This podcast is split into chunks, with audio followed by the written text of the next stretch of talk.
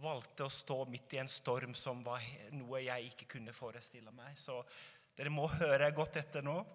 Han har vært med meg nå i går og i dag. Han var med meg i Sandefjord i går på fakkeltog. Og skal reise videre til Tromsø og et par fakkeltog opp i nord om kort. Vær så god, Batyr. Takk for at du er her.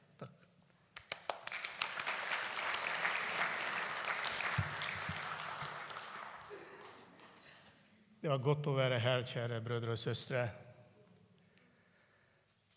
Som hver gang når jeg kommer til Norge, det er først jeg, før jeg begynner å tale, jeg ber om unnskyldning. og jeg snakker litt Ikke sånn som nordmenn jeg snakker, men jeg tenker på turkmensk og så snakker norsk.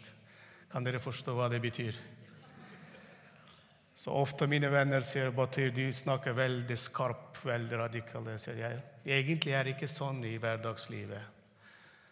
Men når det gjelder tale da Jeg har ikke så mange ord i min hode på norsk. Jeg plukker opp det som jeg har her. Som regel det blir det bare ett ord. Når nordmenn snakker, da nordmenn vet synonymer, ikke sant? Det er et sterkt Du kan si det, men du kan si litt mykt, ikke sant? Men jeg har ikke så mange å velge her. Så jeg sier det, det ordet som jeg har. Så så ofte blir det så veldig skarp. Så jeg beklager hvis noen blir fornærmet i dag. Jeg håper når dere går hjem, så blir ikke fornærmet av meg. Dere må forstå at jeg er ikke norsk. Men jeg prøver så godt jeg kan. Jeg er en turkmen som har mange språk her. Jeg, Siste gang jeg har snakket norsk, det var et par år siden. Og syv og et halvt år jeg har bodd i Tyrkia. Jeg flyttet med hele familien. Og så jeg, fire uker siden jeg kom til Norge. Jeg ble kastet ut av Norge, Tyrkia. Og min kone, min syv og et halvt år, min datter, er fortsatt i Tyrkia.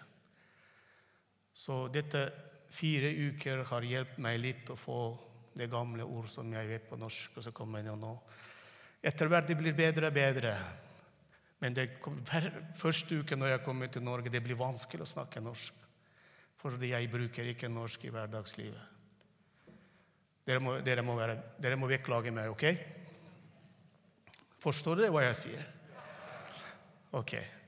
Takk. Så jeg kom fra et land som heter Turkmenistan. Det er et land som er like stort som Norge. Norsk befolkning er litt over fem millioner innbyggere. Og det er et muslimsk land.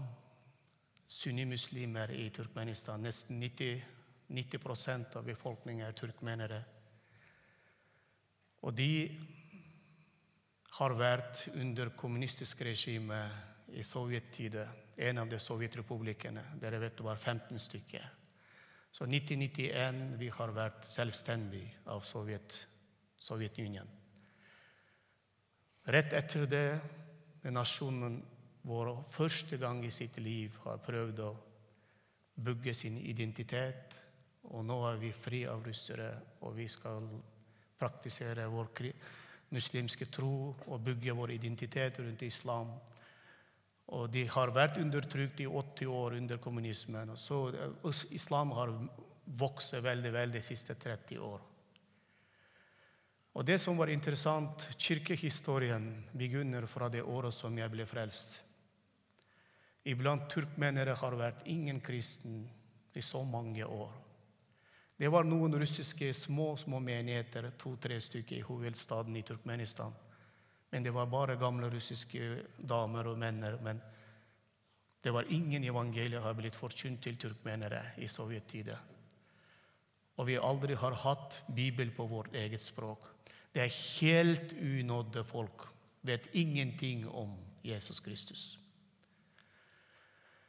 Sånn land jeg ble født og vokst opp når jeg, hatt, når jeg er blitt 17 år gammel, da jeg ble radikal omvendet og møtte Jesus ansikt til ansikt.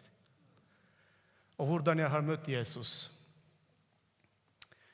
Jeg har bodd langt fra hovedstaden 500-600 km fra hovedstaden. Det er en landsby. Jeg vokste opp i en familie med fem søsken. Og det var en fin familie, men jeg var den vanskeligste barn i familien min, som eldste sønn. Jeg vet ikke hvor mange av dere har sett den svenske filmen som heter 'Emil fra Lugneberg'. Jeg er en gutt, ikke sant? Veldig morsom gutt, og jeg liker å høre, se på. Og Emil er engel hvis du sammenligner med min barndom. Han, han, han, selv om han har laget så mye trøbbel, E- Emil, men han er en god, god gutt. Men mitt liv har vært forferdelig. Dette er et langt historie. Jeg har veldig kort tid i dag i kveld, men jeg vil gå litt fortere fram. Det er mye å fortelle. Og når jeg kom til 17 år gammel, da jeg har blitt helt avhengig av alkohol og marihuana og hasj og alt Og hele liv, mitt liv og min barndom var bare trøbbel. Både på skolen og landsbyen, hjemme. Mine foreldre de ga opp Jeg sa at den, den gutten aldri kommer til å bli bra. Min pappa har vært bare én gang på foreldremøte for for meg på skolen. Så han kom etter foreldremøtet, han slo meg veldig. Så sa at aldri jeg skal gå til foreldremøtet mer, fordi jeg måtte to timer stå og der og, og høre hva du har gjort galt. Jeg, aldri, du er ikke min sønn. Sånn han sa til meg.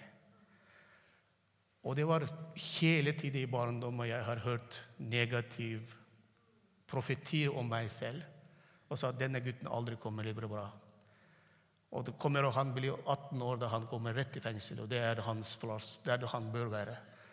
Sånn profeti, negativ profeti jeg har vokst opp inntil jeg var 17 år gammel. Og jeg, jeg hatet mitt liv. Jeg hatet Hvorfor det? Ingen elsker meg. Altså, jeg skjønner det nå veldig godt at hvorfor folk ikke elsker meg. For det var ikke lett å elske sånne gutter som meg. Og de slet alle sammen. Og jeg begynte å søke Gud, om kanskje Gud kan forandre mitt liv. Selv om jeg var så dårlig liv i hver kveld jeg er full og jeg har røykt av marihuana, så tenkte jeg kanskje jeg skal søke meg Allah fordi vi er muslimer. Jeg begynte å lære koranvers på arabisk, men jeg skjønte ingenting. Jeg ba så mye på min språk, men jeg var veldig fortvilet. Hører alle meg, og kjenner han meg eller ikke? Men sånn fortvilelse jeg levde i. Da den første turkmeneren som ble frelst, som ble kristen, han var fra min landsby. Takk til Gud at denne mannen ble frelst i Moskva. Han studerte der. og 1992 han ble frelst. Han kom tilbake til landsbyen min, så han inviterte meg flere ganger til å, å drikke te sammen. Og jeg tok min gjeng med meg og hørte den mannen som nettopp kom fra Russland. Og denne mannen tok seg sånn liten bibel, Gideons bibel, som det pleier å være på hoteller og sånn, ikke sant? Liten sånn, som du kan ta det på lomma. Han tok den på russisk og begynte å lese det boka og fortalte evangeliet. Enkelt. Og mer han forteller om Jesus Kristus, det mer det trekker seg. Men vi viser ikke interesse i det. Vi ler av predikanten. Men vi ler av, lo, lo av predikanten, men likevel han svarer på alle spørsmålene. Så mer og mer vi kommer til Det er mange netter vi har kommet til han. Siste natt han har fortalt meg om Jesu kjærlighet. Han er glad i meg, slik som jeg er. Han tilgir alle syndene mine. Han vil gi meg et liv. Og derfor han døde for mine synder på korset og reiste opp den tredje dagen fra døden. Og vet du det? Dette er ikke han som sa det. Det er selve Jesus sa det, for det, det grep meg skikkelig i mitt hjerte. Og jeg reiste meg opp midt i natten og så kom til hjem til soverommet mitt. Og jeg ba navnet Jesus. Ropte, ropte, gråtte, ropte, gråtte. Jesus har vært så nær til meg. Og jeg møtte han i soverommet mitt, 17 år gammel. Og livet har radikalt forandret. Neste morgen jeg våknet, og jeg sa alle sammen i familien min Jeg traff Jesus, han lever. Han har forandret meg. Han har tilgitt mine synder. Han er veien til himmelen, det, det jeg har hørt fra predikanten. pappa og mamma de tok ikke alvor det. Altså, de trodde at jeg har røykt for mye hasj, og jeg ble litt sånn Lenge de har mistenkt at hva har skjedd med han. Han går ikke på fester på natt. Han ikke krangler lenger med oss. Jeg bare sitter i rommet mitt, jeg vil ikke gå ut. Når vennene kommer og sier gå, vi skal feste, da jeg sier nei, jeg skal ikke feste mer. Og jeg sier Jesus er levende. Etter hvert de begynte å tro på det, og min familie begynte å bli frelst. Vi var syv stykker i begynnelsen. Jeg er en av dem. Men når kommer det 2000? Da vi har vært over 5000 i hele landet, ikke bare i min landsby. Der har alt begynt. Jesus lever, han som overbeviser mennesker. Den hellige ånd gjør tegn og under, helbredelse. Folk blir forandret liv. De mennesker sånn som meg, som aldri har hatt noe positiv profeti i sitt liv, har fått et nytt liv. Det var Vitnesbyrdet mitt var veldig tydelig. Det trengte ikke å si noe ord. Alle som kjenner meg, de vet hvem Batir var, hvem han har blitt i Kristus. Og det levende vitnesbyrd. Vet du, en gang, det, det, Da pappa min var ikke frelst den gangen, han ble innkalt til et sånt landsmøte. Det var mange hundre mennesker. De har hatt sånn landsmøte og, og for å bestemme at disse to unge kristne som er i landsbyen. Det var første forfølgelsen har begynt. Vi var syv-åtte stykker som står der. Alle er ungdommer. Våre foreldrene har blitt presset veldig hardt. Og pappa min ble presset veldig hardt. Og så jeg sa at du må passe på din, din sønn, og han sprer russisk religion.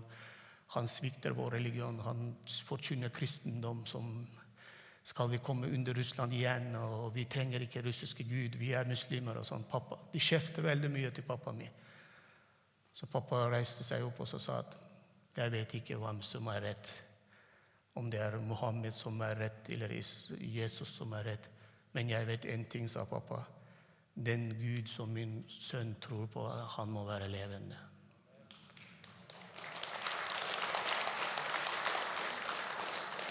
Han, han, var ikke kristen den gangen. Han reiste seg, gikk ut. Han ville ikke høre disse gamle eldsterådene i, i landsbyen min. Han sa at 'jeg bryr meg ingenting', og det må være riktig. Og det som han tror på. Fordi han har fått nytt liv. Og han ble frelst etter hvert, pappa min også. Så dette var en fantastisk fin, en unådd nasjon. Evangeliet kommer for enkelte mennesker. Gud utvalger de som har ingenting har vært, og forandrer livet deres, og de blir det sterkeste vitnesbyrd når, når det skjer. Og vi er aktive. Vi brenner for Jesus og forkynner. Og det, det unge mennesker har hatt sterke visjoner. Ikke har hatt, vi har det fortsatt. Men den gangen vi, vi var mye flinkere i vårt land enn Jehovas vitner. De måtte lære fra oss hvordan å evangelisere. Alle sammen, både, uansett hvor alder du er. Vi gikk ut med bibler og delte ut bibler. Jeg har smugla veldig mye bibler. Og menigheten vokser, vokser, vokser. Men ingen offisiell registrering. Myndighetene vil ikke akseptere oss. Og de sier at hvis du er turkmen, du aldri kommer og kan bli kristen. Og fortsatt i 30 år, siden det snart blir 30 år, vekkelse har begynt i vårt land. Kirkehistorie er eh, begynner fra det året jeg ble frelst vi aldri har hatt offisiell registrering, eller myndighetene fortsatt vil ikke se oss. Om vi er levende eller døde, de er redd av oss, og de forfølger oss fordi vi vokser, fordi vi lever. Jesus lever. Jesus fortsatt frelser menneskers liv. Kjære venner, når jeg kom til Norge 2001, da min far døde, og de har truet hele familien min fordi de vil ikke begrave min far på et muslimsk begravelsesplass. Så de, pappa har lo en uke 50 grader varmt i landet vårt. 85% ørken. Det er tørrklima. Og de tror familien min sier at vi skal ikke begrave en kristen til muslimske begravelsesplass for det blir uren, sier jeg. Og så går vi til eh, myndighetene hva vi skal gjøre med. Så sier de, vi vet ikke. Vi, vi har ikke kristen begravelsesplass. Og hvis vi omvender dere alle sammen til islam, da vi vil vi begrave det. Og det er så stor Ikke bare min pappa, det er fortsatt mine venner har problemer med det. Og så vi ber til Gud at ingen kristne må dø. Hvis de dør da vi har problemer, vi vet ikke hva vi skal gjøre med det. Så de er redde av levende predikanter som meg. De er redde av døde kristne òg. Og de kan reise opp fra døden. Når 2000 år, etter syv år jeg ble frelst Vi har bygd mange mange husmenigheter og flotte, fine predikanter for evangelister. Jeg og fire av mine venner har blitt arrestert. Vi har vært to uker i KGB fengsel i kjelleren. Og det var tortur hele natt. De skjøt ni kraftige KGB-offiserer har slått oss periodisk. I alle Stalins torturmetoder har blitt brukt mot meg og mine venner. Og de kledde gassmasker de kvelder, og du får ingen oksygen. Og de gjør det med glede. Lær å gjøre det med glede. De, de sier 'rop til, til din Jesus, kan han hjelpe deg'. Og når du blir bevisstløs mange ganger, da stikker nål, og de tok ut skjeggene våre og så gjør det med glede. Og det som var veldig interessant for meg, her, kjære venner Når jeg lo på gulvet etter mange dagers tortur, og jeg blødde hele ansiktet mitt, og der inne i min munn var mye sår, og blødde hele tida. Og jeg ligger sånn på gulvet, og så en kraftig KGB-offiser kommer med skitne sko. Han moste min munn som akkurat sånn som du muser slokker et sigarett. Han holdt det sånn lenge og smilte til ansiktet min. Jeg fortsatt husker den ansiktet. Så han sa din munn aldri kommer å forkynne Jesus mer, og gjør han det, fortsetter han å gjøre med glede. Jeg tilga han. Jeg ber for han. Men Gud, har, Gud lo av han den gangen. Gud har reddet meg fra den fengsel. Og denne munnen forkynner ikke bare fra dør til dør nå. Denne munnen har forkynt over ti år til millioner mennesker gjennom TV. Jeg er på TV hver dag. Gjennom Ibra, den kanal Hayat. Jeg er, jeg er ansvarlig for turkmen- og usbek-blogg på to språk. Det er over 70 millioner til sammen. Usbeker turkmener hører meg én time hver dag på lufta.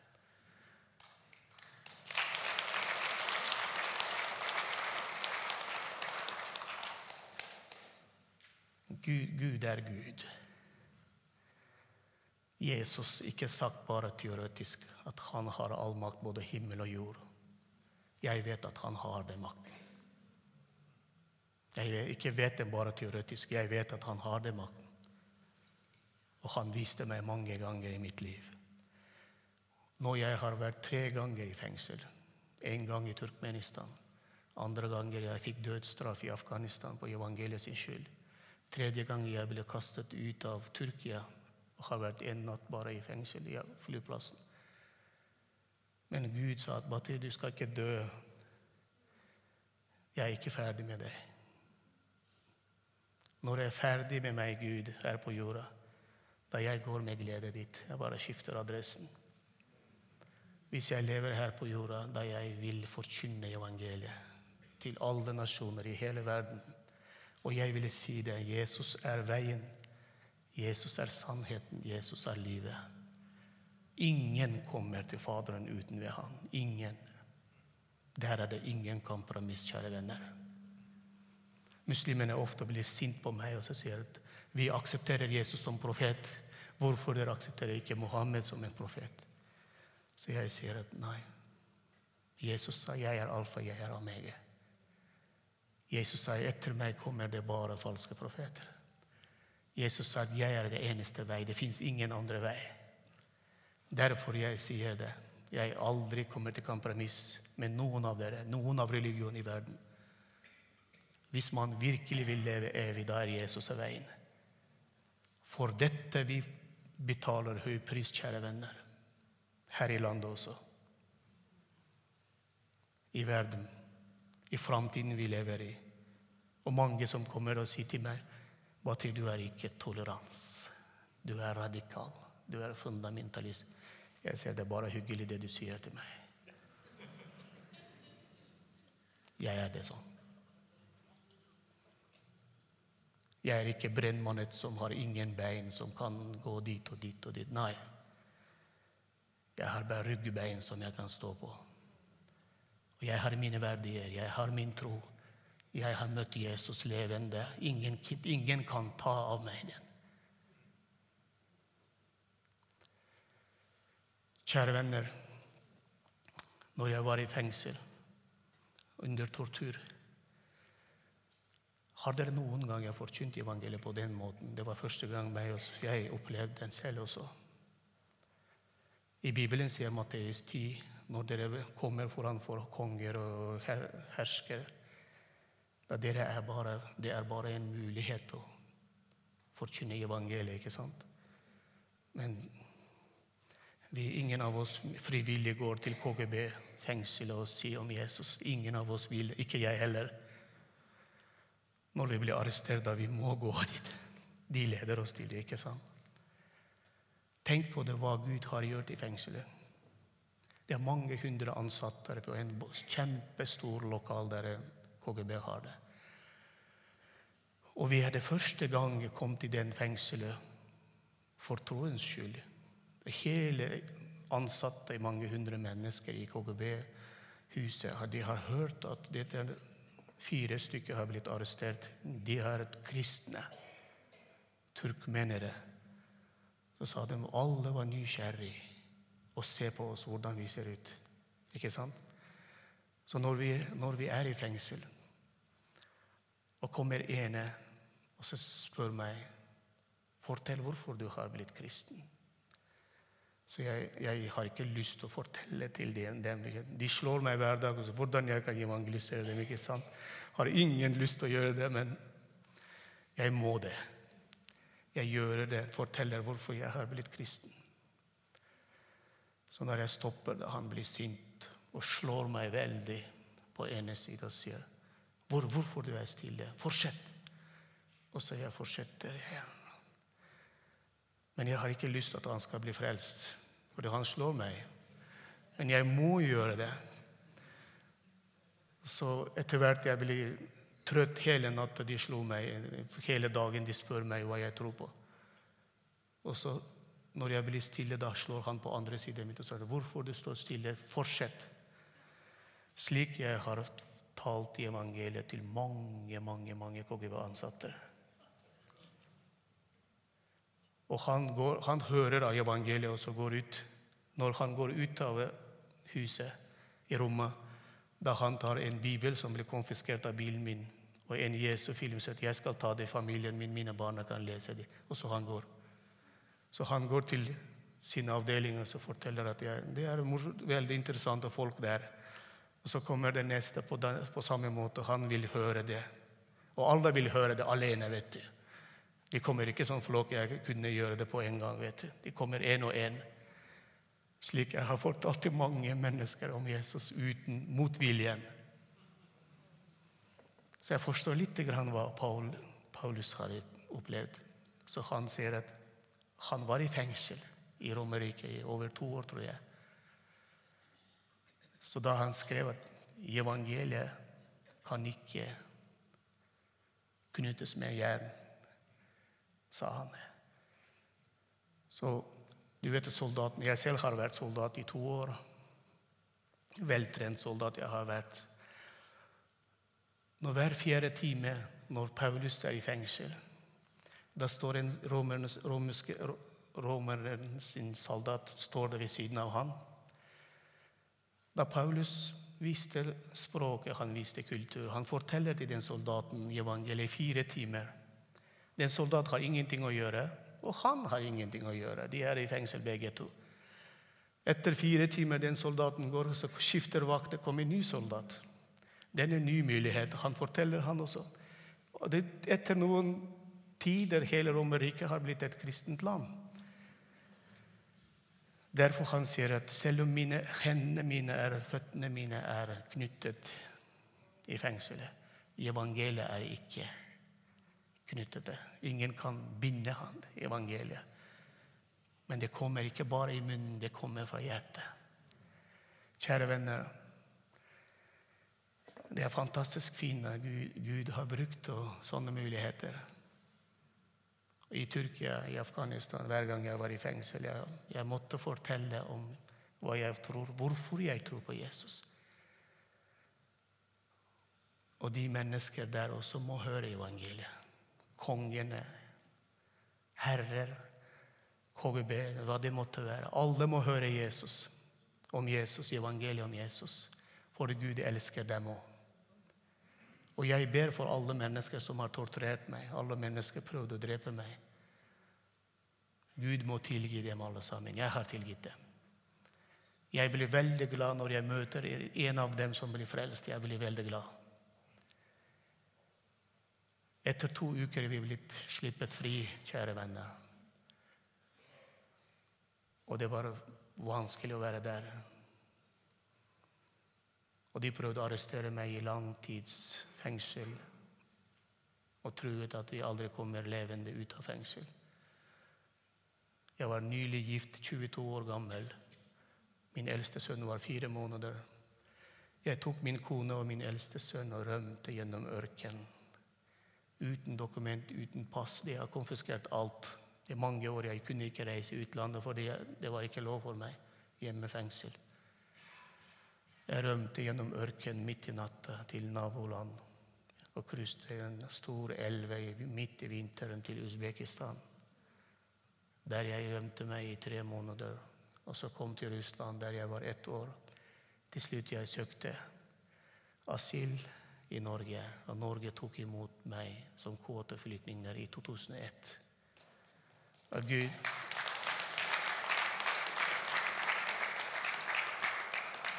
Når jeg skal fortelle deg veldig morsomme ting Når vi har bestemt å flytte til Norge i 2001, da russere ville ikke slippe oss. De, de ville ha oss i Russland og samarbeide videre. og sånn. Men de kunne ikke overbevise oss at de skal ikke reise til Norge, for det, i Russland det var umulig å bo. Og så de sa til oss dere må ikke reise til Norge. Det er det verste landet som fins i verden, sa de russere. Og der er det hele året blir det så mye snø, sa de til oss. Og dekket av, hele landet dekket av snø. Der er bare isbjørner og pingviner bor der. Så de sa at mennesker bor der veldig sånn sjelden. Det er et hus og 500, 1 km under andre hus. Og dere turkmenere som kommer 50 grader varme med 85 ørken av landet, dere kan ikke overleve i Norge, sa de. Dere må ikke reise dit. Og det verste av alt at de spiser bare fisk der. Det fins ingen andre mat, sa han. Til og med et frokost du skal spise fisk, sa den. Ingen grønnsaker, ingen frukt vokser i Norge, sa den. Så prøvde å skremme oss, men vi har bestemt likevel å komme. Så vi hadde ikke noe andre valg. Når vi kom til Norge, det var, det var feil. Det var fint land, fine mennesker. Og det første gang jeg opplevde frihet, det var i Norge. Så jeg takker Gud for den muligheten som vi fikk. Og Gud har helbredet oss det var et morsomt Gud har plassert meg på Sunnmøre. Det er ytterste øy som fins. Og blåser hver dag, regner hver dag. Fra ørken til Sunnmøre. Det var en veldig fin kontrast. Og så tre år jeg måtte ha den, den stillheten. Ytterste øy i Norge. Og jeg våkner veldig mye om natta og svetter og skriker pga. det mishandel og tortur som jeg opplevde i fengsel. Men den tre åra Gud har rehabilitert meg. Og jeg kom tilbake til det normale livet igjen. Det er Jeg tror at min tid er over nå. Og Hvis dere vil høre resten, jeg kommer neste år også.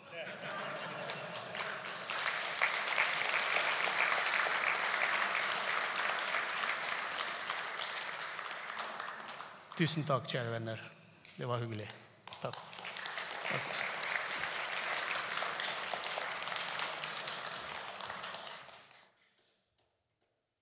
Batyr, kom.